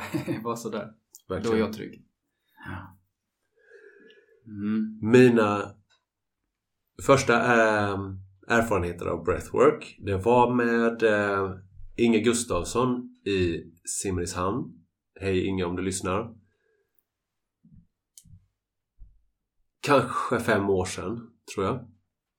Eh, så tänk efter, det var innan den här innan det här kvarteret brann ner i Simrishamn. Så det måste ha varit 2016, vi säger det. Eh, det var ju något väldigt, väldigt oerhört speciellt för jag visste inte alls mycket mer än att ja, men det låter ju intressant. Och har hade hört om någon annan som jobbar med det tidigare men jag hade inte någon direkt erfarenhet. Jag hade också någon liknande erfarenhet av att, eller under den första sessionen jag gjorde med Inga, att någon, någon känsla av att det byggdes upp en enorm energi som lösgjordes, eller frigjordes. Också under en av de här sessionerna. Och då tänkte jag att eh, för det är ju nästan en form det är nästan en psykedelisk upplevelse. Jag får upplevelsen av att någon, det är, vi, är, vi är inte ensamma i det här rummet. Som en slags syn av att det sitter någon på andra sidan av mig. Mm. Ingen på höger sida, men Mm. det är någon på andra sidan också. Mm. En enormt stor grå person. Mm. Person säger jag, men jag vet inte. För jag ser inte den personen som mänsklig. Mm. Eh, ska jag säga, humanoid. Eh, väldigt sådär grått klädd. Eh, Men du ser den som mänsklig, eller? Gjorde du det? Så uppfattade Alltså- du det som mänskligt då? Eller? två armar, Ish. två ben och ett huvud. Okej. Men om vi ska säga så här, ja, men någon slags utomjording kan vi väl säga att de. Oh, wow. Mm. Så märker du liksom vart det här samtalet börjar, Aha. börjar ta sig Aha. iväg. Jag vet inte vad men det är ju en, det är en, inre, en inre syn av att det är någon annan som sitter och tittar på mig. Jättelång. Mm. Som sitter på bord och, eh, på, på en stol eh, bredvid och tittar. Bara få så här upplevelsen av att det här är någon som, det här är min helare. Eller som är för att lä- lära mig om läkning. Wow. Då kan man tycka det här var det konstiga. Men vi, vi, det, det, det kommer mer. right, right. Ja. Nice. Vad som händer sen är att mina händer börjar sväva. Jag gör ingenting. Jag försöker hålla emot. De åker upp. Eh, och de svävar liksom över magen. Ena, den högra armen, den börjar liksom sväva upp upp över bröstkorgen. Mm. Kanske typ en decimeter över. Mm. till halsen och ö, det är jättebra, jättebra det här att göra det här. Jag, jag visar Mattias här nu men att det Ja men jag ser, du för handen, Handen över precis magen, över över magen bröstkorgen, upp över upp över huvudet eh, till liksom kronan och tillbaka igen. Oh, wow. Och jag känner hela tiden någon håller i min arm. Jag frågar Inge, Inge håller du min arm just nu? Nej jag, nej, jag håller inte din arm. Mm. Jag är här borta, säger han. Så jag känner någon håller i min handled och, dra, och det, det, det, det tar kanske eh, fem minuter fram och tillbaka, så det är ganska länge. Men en enorm energi i händerna. Mm. Och en enorm energi där jag känner att båda händerna som svävar omkring. Vad var det Mattias? Mm. Eh, Har jag- har du hört om det rätt- liknande? Rätt person att fråga. Det var en Eh. skitkonstig upplevelse. Och andas under tiden. Alltså connected breathing. Ja. Alltså jag tror bästa sättet Jag är också medveten så att säga. Så Att- jag, jag, är inte, jag är inte liksom ehm, Nej, nej. borta på någon Nej, ur nej, medveten. nej. Så jag pratar med Inge under Ja. tiden och förklarar vad det är som händer. Men bästa tror jag är att vända frågan tillbaka liksom. Att du, alltså vad hände där? Vem, du, du, har, du har ju förklarat nu liksom. Men Ja. det är ju din upplevelse som är det Ja. otroligt viktiga. Alltså, så det låter som att du på något sätt hade upplevelsen att det sitter, det är någon, någonting närvarande här bredvid mig. Som du fick känslan av är i rollen som någon form av healer eller lärare, mentor för mig i, det, i den här stunden. Det var den energin du fick där och då. Och du känner hur dina händer liksom börjar röra sig ovanför dig själv, alltså så här upp från kanske liksom mage upp och att det kanske är då antar man, om det inte var Inge, det var inte du som gjorde självmant, då kanske man anar att det, det är den här då, då gråa varelsen som, som, som hjälper dig att göra det här på något sätt. Och vad upplevde du då? Liksom? Vad, vad upplevde du när det hände? Jag, kunde, jag upplevde dels jag kunde inte göra något. Jag försökte liksom Hur kontrollera var min arm. känslan i kroppen? Var det bara här ligger jag helt död, känner ingenting? Eller hände det mycket energimässigt liksom? Jättemycket, också? jättemycket energi Ja. i kroppen, det är det ju. Ehm, Gav det dig någonting? Alltså det här som hände med handen och liksom, gav det dig någonting? Eller var det bara, ah, nu håller min hand på och här? Jag vet att det kändes som någon form av leveling för då, jag snusade då. Ehm, och sen efteråt så tog jag, jag vet att jag tog en snus och bara, nej vad fan jag är inte den person som snusar. Och bara slängde. Sen dess har jag inte, jag har inte snusat tobak eh, sen den dagen. Wow! Jag bara, nej det, det är inte jag. eh, Det låter ju helt eh, fantastiskt. ja, men det, det var så jävla konstigt också. Jag, jag försökte röra min arm, jag försökte liksom slut, att den skulle sluta. Jag försökte liksom lägga ner min arm, det gick inte. Den, den var Ja, vad som man förklarar som en robotarm. det gick av sig själv. Hur länge hade du andats då?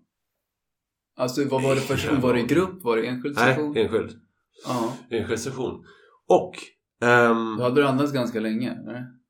jag, jag, jag, det är svårt att uppskatta Svårt tid alltså. tid, Svårt ja. att uppskatta tid faktiskt. Det, För- jag har ja, svårt att uppskatta förstår. tid nu också. Jag kan bara veta att genom att titta på klockan vad, vad den är nu. Jag vet också, två gånger efter det har jag också haft upplevelsen av att vara borta. Mm. Enda, enda, enda anledningen till jag vet att jag varit borta det är att jag vet att nu är jag tillbaka. Mm. Alltså Att jag får-. Att jag får den tydliga upplevelsen av Ja. där kommer jag tillbaka. Jag vet inte vad jag har varit. Det- jag, jag har inte sovit. nej. För att det får jag bekräftat av personer som har varit med. Du har inte sovit. Nej. Det är för att du har inte andats. En person sa men du hade ett andningsuppehåll på tre minuter. Ja. Och jag har ingen aning var jag har varit. Precis. Jag minns ingenting. Men jag minns så, bara att här, jag är sova, men du har ju varit omedveten. Ja, och det är det som man definierar, alltså sömn är ju, man kan ju, hur definierar man sömn? Men att sova är ju att liksom man går ner i liksom medvetenheten, man droppar ner tills man inte är medveten längre. Mm. Så att man vet, man har somnat, man är inte där. På morgonen eller i natten man vaknar, man är där. Mm. Så det är precis det du skriver, det du beskriver är ju som att Det behöver ju inte vara sömn att din kropp sover. Du kan ju ha, liksom, din medvetenhet kan ju ha, liksom, jag vet inte. Har du några minnen alls av vad som hände under de tre minuterna? Det jag minns är jag är tillbaka. För jag har inte Ja. hållit andan. Nej, Jag andades Nej. bara inte. det, det kan hända. Men där, är- alltså, där droppar man ner i djup, djup, djup vila. För jag det- att det är, det är så man beskriver om man ser på hur, hur hjärnvågorna rör Alltså, sig. det är spontan, Eh, eh, man- gamma, beta, Ja. alfa. Ja, Eh, och ja, Teta som är mellan alfa och delta som är sömn. Och alfa då det Ja. meditativa stadiet. Att Ja. där finns inte det medvetna tänket. Det är det man då kallar det hypnotiska ja. eh, Du är ju stadiet. fortfarande medveten i alfa. I alfa är du ju fortfarande medveten. Även i Definitivt. teta kan, kan man ju vara väldigt medveten. Liksom. Och man kan drömma, man kan vara medveten i drömmar eller så. Men är du i, i delta så är det oftast, där är du ju oftast omedveten. Du är medvetslös. Du är medveten, men, men inte per automatik. Alltså man har mätt hos munkar så har man kunnat mäta, alltså de som är tränade i meditation är ju väldigt ofta liksom, sen kanske det finns andra människor som kan det också, men de som har tränat sig i meditation de kan utan större problem droppa ner i delta och medvetande. Så att du kan se en, en, liksom en person som har mediterat otroligt länge, om du sätter den här utrustningen på så att du mäter hjärnvågorna så kan man se, aha den här personen befinner sig nu liksom, det är väldigt mycket delta delta-vågor närvarande i den här personens hjärna men den är fortfarande medveten liksom. Så på samma sätt är det liksom som att eller det, det, behöver, det, är inte natur, det är inte helt relaterat men då det du beskriver i breathwork, är- det är ganska vanligt att det händer. Att människor liksom försvinner. Det har hänt mig också. Att man bara borta, sen är man tillbaka. Liksom. Och, Jag tror det är jätteskönt, men jag vet inte riktigt. Ja. Det känns som att det är jätteskönt. Alltså, jag det har finns ingen aning olika- var jag är någonstans. Det finns olika definitioner av vad som händer där. Vissa, i rebirthing så pratar man ibland om att det, när det händer så disconnectar man. Då har du disconnectat. Det är, och om man pratar det i liksom mer modern kontext så, här, så kan man säga att okej, men det, du, kan, du kanske har börjat komma i kontakt med någonting. Någonting inombords. Som, alltså det här är bara, behöver det här är inte din upplevelse, men det skulle kunna vara liksom att man kommer i kontakt med någonting som är något som känns hotfullt, som känns läskigt, något man inte vill eh, komma i kontakt med, något som ens psykologiska försvarsmekanism och ens ego liksom känner att nej men det här ska vi inte möta just nu, det här, ska, det här är för mycket. Så stänger man av. Det händer i breathwork. Mm. Det händer med klienter, jag jobbar med min lärare, pratar mycket om det. Att somna eller tappa medvetandet är en försvarsmekanism. Mm. Men det kan också vara att man, du vet, man kanske färdas iväg och du kanske, är, inte vet jag, har någon ganska stark upplevelse under den här tiden då, då du är, verkar som att du sover. Det händer ju för vissa människor också. Att de Mm. går in i någon slags starkt drömstadie eller har väldigt starka minnen. Mm. Men det är, svår, det är svårt att definiera liksom vad, exakt vad det är som händer för det är så himla mycket det är ens personliga jag tycker man får lyssna på ens upplevelse. Mm. Som det du hade med det här, alltså, den här encountern liksom. Okej, men det kanske var det som var grejen. du kanske mötte någon, det kanske var en mentor, det kanske var en healer. Ja. Och du verkar ju fått en otroligt stark läkning där. Oavsett om det var bara på grund av andningen eller om det var, du vet, Mr Grey Superhealer som satt här som kanske är din guide eller du vet, någon personlig guide du har som Mm. hjälpte dig där och helt plötsligt har du kunnat droppa ett tobaksberoende och släppa Mm. det helt. Det Jag har önskat de, de här upplevelserna också. Ja. Eh, Så jag blir ju inte förvånad när det kommer. Eh, och har jag tycker jag har lätt att acceptera det också. Att mm, men nu är det så här. Mm. Och jag behöver inte göra så mycket åt det. Eh, Jag behöver inte vara jätteaktiv i det som sker just nu. Utan någonting är det som sker och får ge mig till den processen. Precis som är, alltså så som jag ser på breathwork också. Mm. Anledningen till att jag gillar breathwork eh, jämfört med meditation Mm. är ju för att det kanske också är någon mer eh, ett maskulint perspektiv. Att jag tycker om när det händer saker. Man får göra saker. Ja. Och att man känner, känner att det händer saker. Ah. Det är mycket mer så tangible, alltså påtaglig upplevelse och det händer mycket. Mm. Medan jag, jag tror att det, det, det som traditionell meditation har väl eh, ehm, samma positiva effekter men det är kanske svårare att mäta. Dels för att det gör inte det blir inte en påverkan direkt och ska inte ha en påverkan direkt. Men utan att det snarare är men efter en period så lägger man märke till att jag har ett, ett längre glapp mellan som en, ett intryck och reaktion till exempel. Mm. Att jag är mycket lugnare, jag mår mycket bättre. Men att man ska inte eh, känna som att nu har jag mediterat en gång men vad fan, det har inte hänt någonting. just det. Men när man kommer till, eh, då till exempel breathwork så känner man men någonting har hänt. Ja. Men, men det är ju också, det finns ju skillnad, alltså så här. Det är skillnad på breathwork och breathwork, det är skillnad på meditation och meditation. Men den här formen, alltså du kan ju inte, alltså i, i en breathwork session. Alltså jag, till exempel så, så vet jag att om jag faciliterar breathwork på ett speciellt sätt så, så, så kan jag garantera att det här kan, kanske kan bli en av de starkare upplevelserna den här personen har haft i sitt liv beroende på, du vet, den kanske har utforskat psykedelika mycket, den kanske har mediterat hur mycket som helst och är uppe i, du vet, higher dimensions och bara wow, liksom. Då kanske inte breathwork är värsta grejen liksom. Mm.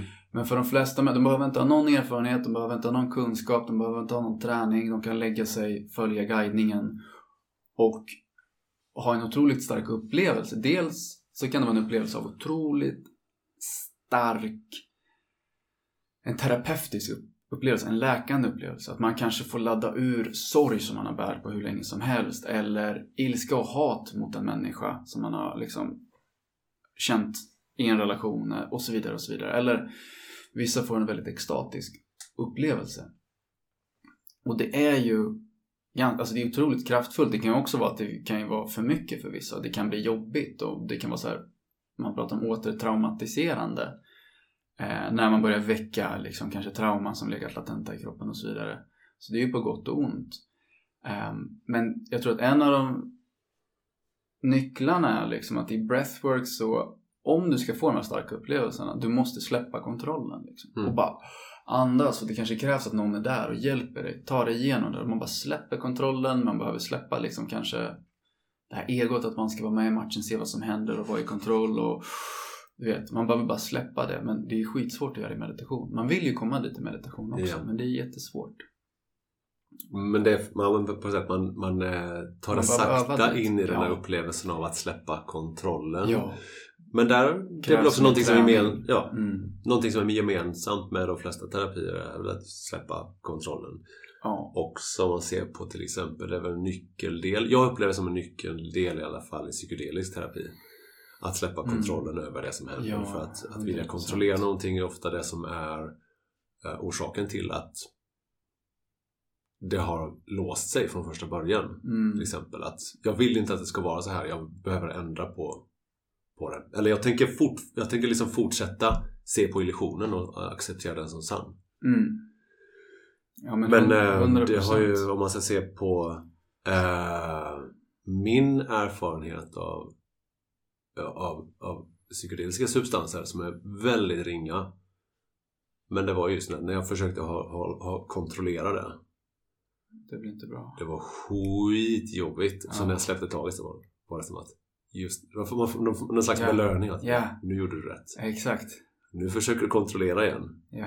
Märker du vad som händer då? Ja. Men ungefär som att det, var, det fanns en någon slags hållande kraft i det hela. Ja. Att, att guida rätt. Att när du gör rätt, då känns det rätt. När du försöker göra motstånd, ja. då, då möter du också motstånd. När man försöker, exakt, när man försöker vara i kontroll, när man försöker vara den som kanske kommer... Precis. Jag har ju ganska mycket erfarenhet av psykedelika liksom. Och det är ju någonstans... Alltså så, det är, vad ska man säga? Av psykedelika. Men, men som i läkande syfte. Det har varit en av de alltså nu har vi pratat otroligt mycket med breath, om breathwork för det är det jag jobbar med och så vidare. Facilitera mest. Men i min egen personliga läkning så har ju, har ju psykedeliska mediciner och plantmediciner varit en otroligt stark kraft och, och faktor, närvaro i min läkningsresa. Och just exakt som du säger också att släppa taget och bara släppa kontrollen och få släppa det här kanske egot och få släppa alla barriärer eller försvar som man har inom sig mellan, som kanske ligger som en barriär som gör att man inte kommer i kontakt med sina inre sår eller du vet, sitt inre barn. Um, sin inre tonåring, vad det nu än handlar om. Att när man bara ger upp, släpper taget så är det som, okej okay, då får man så otroligt mycket tillbaka. Mm. Yeah. Och då får man så mycket läkning och kärlek och du vet. Det har varit min upplevelse också. Och det är väl lite likt, alltså det är väl, något, det är väl generellt i livet så är det väl så. Det är det man pratar väldigt mycket om. Alltså, släpp taget, ta tillit, mm. lita på universum, lita på livet. Vet. Lita på att universum alltid vill dig väl ha den tilliten, eller till och med i relationer bara. Slappna av, släpp kontrollen. Mm. Men när hjärtat känner att det känns rätt så är det ah. oftast rätt. Men någonstans om man har den här känslan det är någonting som känns fel så har den känslan oftast rätt också. Ja, det kanske inte alltid är läge eller rätt att man ska släppa kontrollen eller ge sig själv till en annan människa på det sättet. Ibland så kan det ju då räcka bara att vara medveten om att jag vet att det är någonting som känns mm. eh, inte helt rätt. Det finns någon form av motstånd här. Svårt att också lita på den känslan när man inte har på något sätt någon slags fakta eller något eh, då, bevis för att någonting skulle vara fel. Men förr eller senare så visar det sig alltid att den här känslan jag hade ja. Det var någonting i det. Men det är också lätt att tala om. Det är knep, men det är knepigt det där också. Svårt att, svårt att utöva det i praktiken också. Ja, jag tycker det är jätteknepigt. Alltså. Ja. När det kom, framförallt när det kommer till nära relationer. Att man kan ju ha sån himla... Ens kompass kan ju vara ganska rejält eh, eh vad man, felinställd, tänkte mm. jag säga. Just det. När det kommer till anknytning och... Eh, ja, anknytningsteorin är väl mest liksom. Mm vettig där att, att titta på som exempel. Men där det jag tycker är otroligt svårt att veta. Liksom, även om jag har hållit på med healingarbete och mm. terapi. Så de där inre kompasserna för kan, kan jag lita på den här människan när det kommer till liksom, nära kärleksrelationer? Är det, eller mm. kan jag lita? Är det tryggt att öppna upp här? Det är bara mm. den frågan jag tror är otroligt viktig. Är det tryggt för mig att öppna upp här? Och vad är det mm. som avgör om det är tryggt? Mm. Eller inte? Men så att det, det du pratar om, det jag tror att det är en det är också en färdig, det var det jag ville komma till, det är en färdighet man kan träna upp för att för alla människor så är det inte så lätt att kunna lita på den känslan eller inte. Mm. Så det tror jag att om man kan lära sig att liksom fine-tuna den känslan och förstå den och kanske lita på den intuitionen och förstå språket som den talar med och kanske varför man får den här känslan med vissa människor och andra inte och jag tror att det är många människor som har upplevelsen av att när man litar på känslan. Känslan kanske är den, här är det rätt. liksom, du vet, här, kör på, grönt ljus. Mm. Det blir, då blir det ofta väldigt fel. Mm. För att man har lärt sig knyta an på ett väldigt destruktivt sätt. Eller inte väldigt destruktivt, kanske extremt. Men man har lärt sig knyta an på ett lite ohälsosamt sätt. Mm. Som, som barn. Och det där är fortfarande någonting som, som jag jobbar på i min resa. Där du pratar om den här kompassen eller den här känslan att hitta rätt eh, jag känner, jag känner också att det här är eh, i linje med mitt, eh, med mitt värde. Ja. Att eh, kan jag verkligen ta emot all den här eh, kärleken, glädjen, framgången? Mm. Är jag värd det? Mm. Eller behöver jag tona ner mig lite grann? Behöver jag sabotera för mig själv lite grann? Behöver jag sätta några käppar i hjulet? Behöver jag prokrastinera lite grann kanske?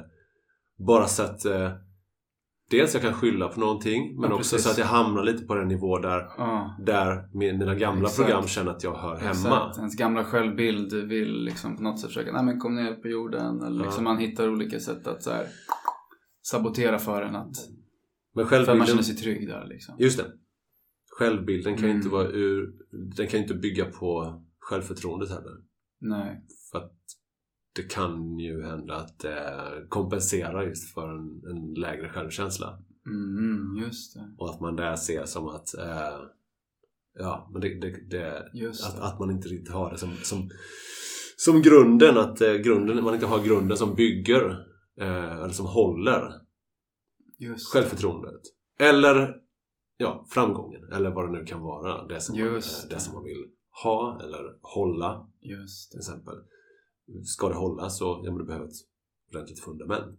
Exakt. Om, för det spelar ingen roll om du har, om du har liksom ett, ett, ett hus mm. så kan du ju inreda det med de finaste designmöbler Du kan, Just. du kan finna och måla de snyggaste färgerna men om grunden, om fundamentet liksom, Kommer huset ändå då kommer det ändå rasa. till slut. Liksom. Ja, visst. Du kan hänga på en kristallkrona Ja. Då kanske fundamentet rasar för det orkar inte hålla den tyngden. Ja, men vilka, vilken fin metafor och...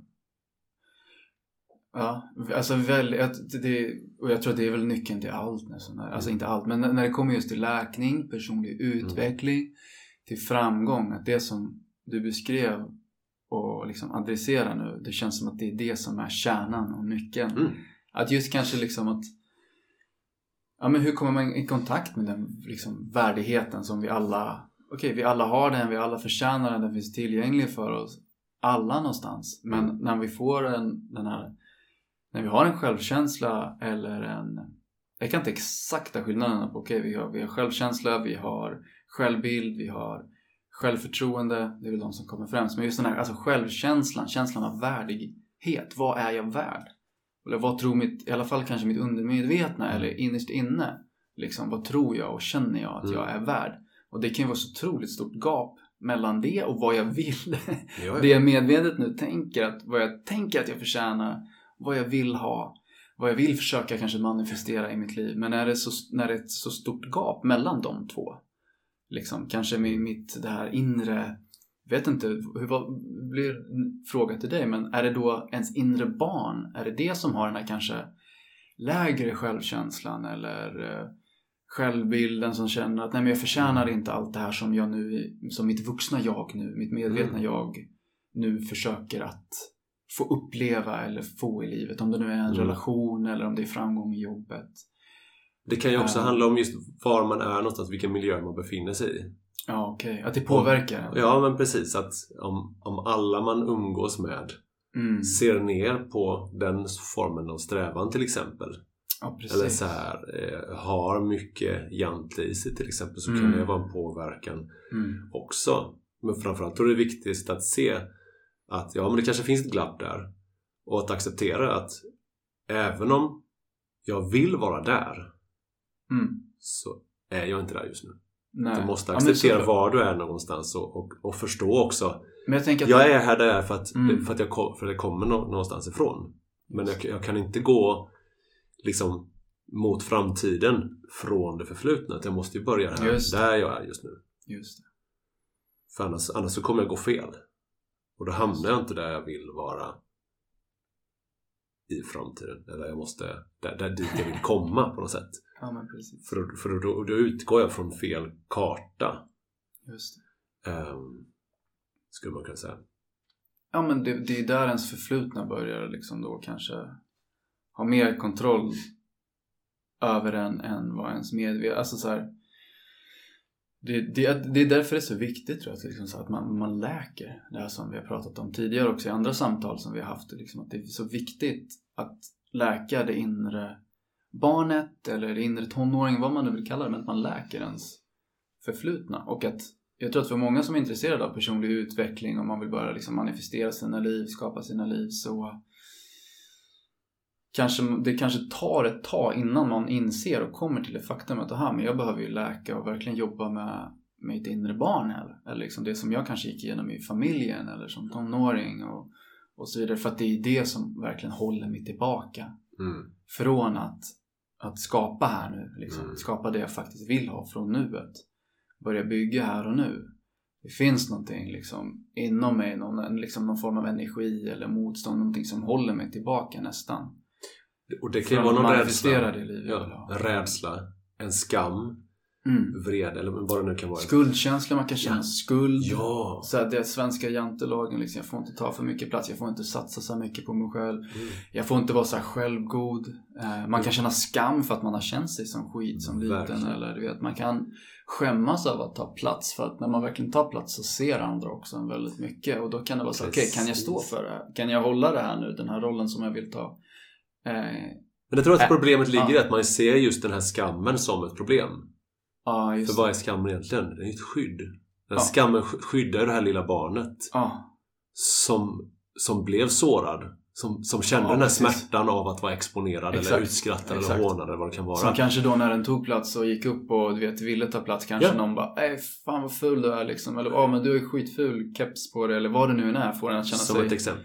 Så skammen skyddar ju det från att det ska hända igen. Mm. Så att skammen är ju inte problemet, det är ju Mm. lösningen. Skammen är ju fan, en Ja fantastisk just hjälp. det. Som ett sätt att embracea den då. Men man behöver ju att, att, ja, man behöver på, på något sätt få skammen att förstå att vi är inte där längre. Mm. Kolla vad jag är nu. Kom tillbaka till Ja, verkligheten. out. och det här barnet också förstå att vi, vi är inte kvar i den här upplevelsen. Nej, Du loopar den om och om igen. Just kolla vad jag är nu. precis. Exakt. Och vet du vad? Kom, kom till mig nu. Du kan vara här nu. Du kan vara här i nuet för jag är Ja. så jävla trygg så jag kan Ja. hålla dig, jag kan älska dig. Ja. Och jag, jag, jag kan se dig framförallt. För det är ingen som Ja. ser det där bak i det förflutna. För Nej. du gör samma sak om igen, för det är ingen Ja, annan kvar. Precis. Hämta är styrka från mig liksom. Jag håller Ja. dig. Det är finns ingen en- annan som ska rädda det här, det, här, det här barnet. Det måste du göra. Du måste Mm. gå åka tillbaka dit och säga Jag Det- ser det- dig och nu behöver du inte Ja. vara kvar här. Nu ska vi vara i det förflutna. För att nu ska vi, vi ska åstadkomma sådana jävla häftiga grejer Ja. här. Och jag behöver dig. Jag Ja. behöver din styrka. Jag behöver den här styrkan i skammen. Men omvandla den till någonting annat. Men det är det som är så intressant med oss människor just. Alltså så här, det du nämnde nu vilken tanke. Alltså så här, vi hämtar i nuet, här och nu, det jag är nu i mitt liv. Alltså min intelligens, mitt psyke, eller man pratar mycket om i de här världarna, liksom om vårt undermedvetna. Vi hämtar information från något som har hänt för typ 20 år sedan.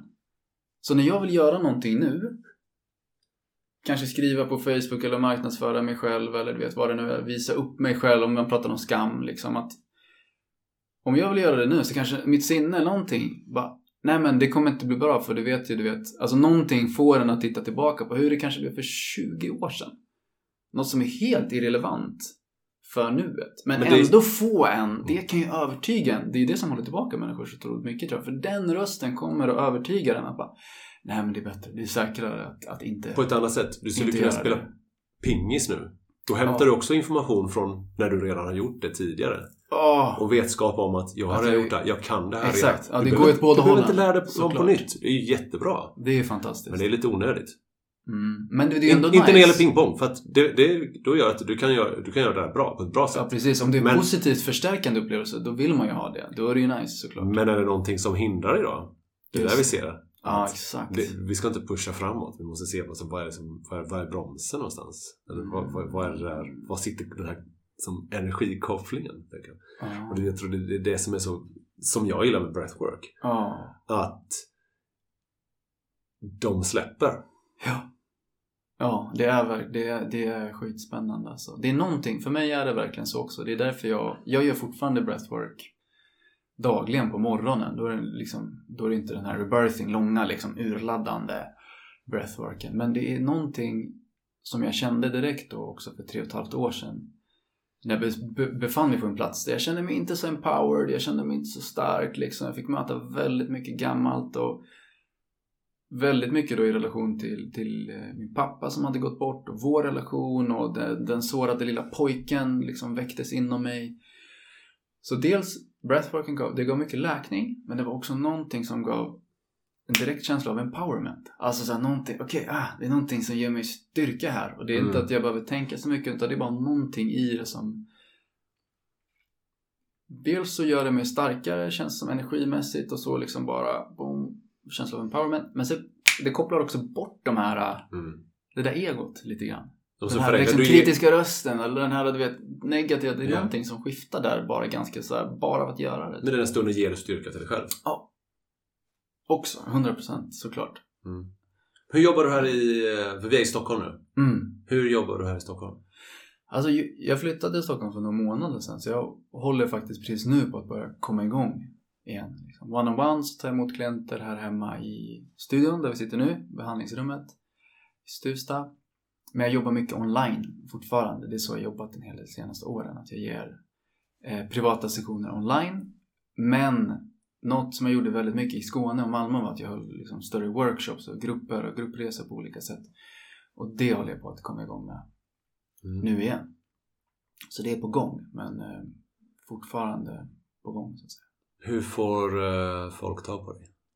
Mm. Faith, min Facebook-sida. Uh, kan ju inte den länken, men min Facebook-sida heter Mattias Forsblad. Liksom. Det är där jag jobbar mest. Som jag gör events, jag annonserar liksom mitt arbete och vad jag gör. Och, uh, min hemsida är under, under uppbyggnad men klar igen väldigt snart. Mattiasforsblad.com Mm. Så det är väl bästa sättet. Facebook är bästa sättet just nu. Tack för att vi kom hit. Ja, superkul att ha dig här Dan. Verkligen superfint. Tack. Tack.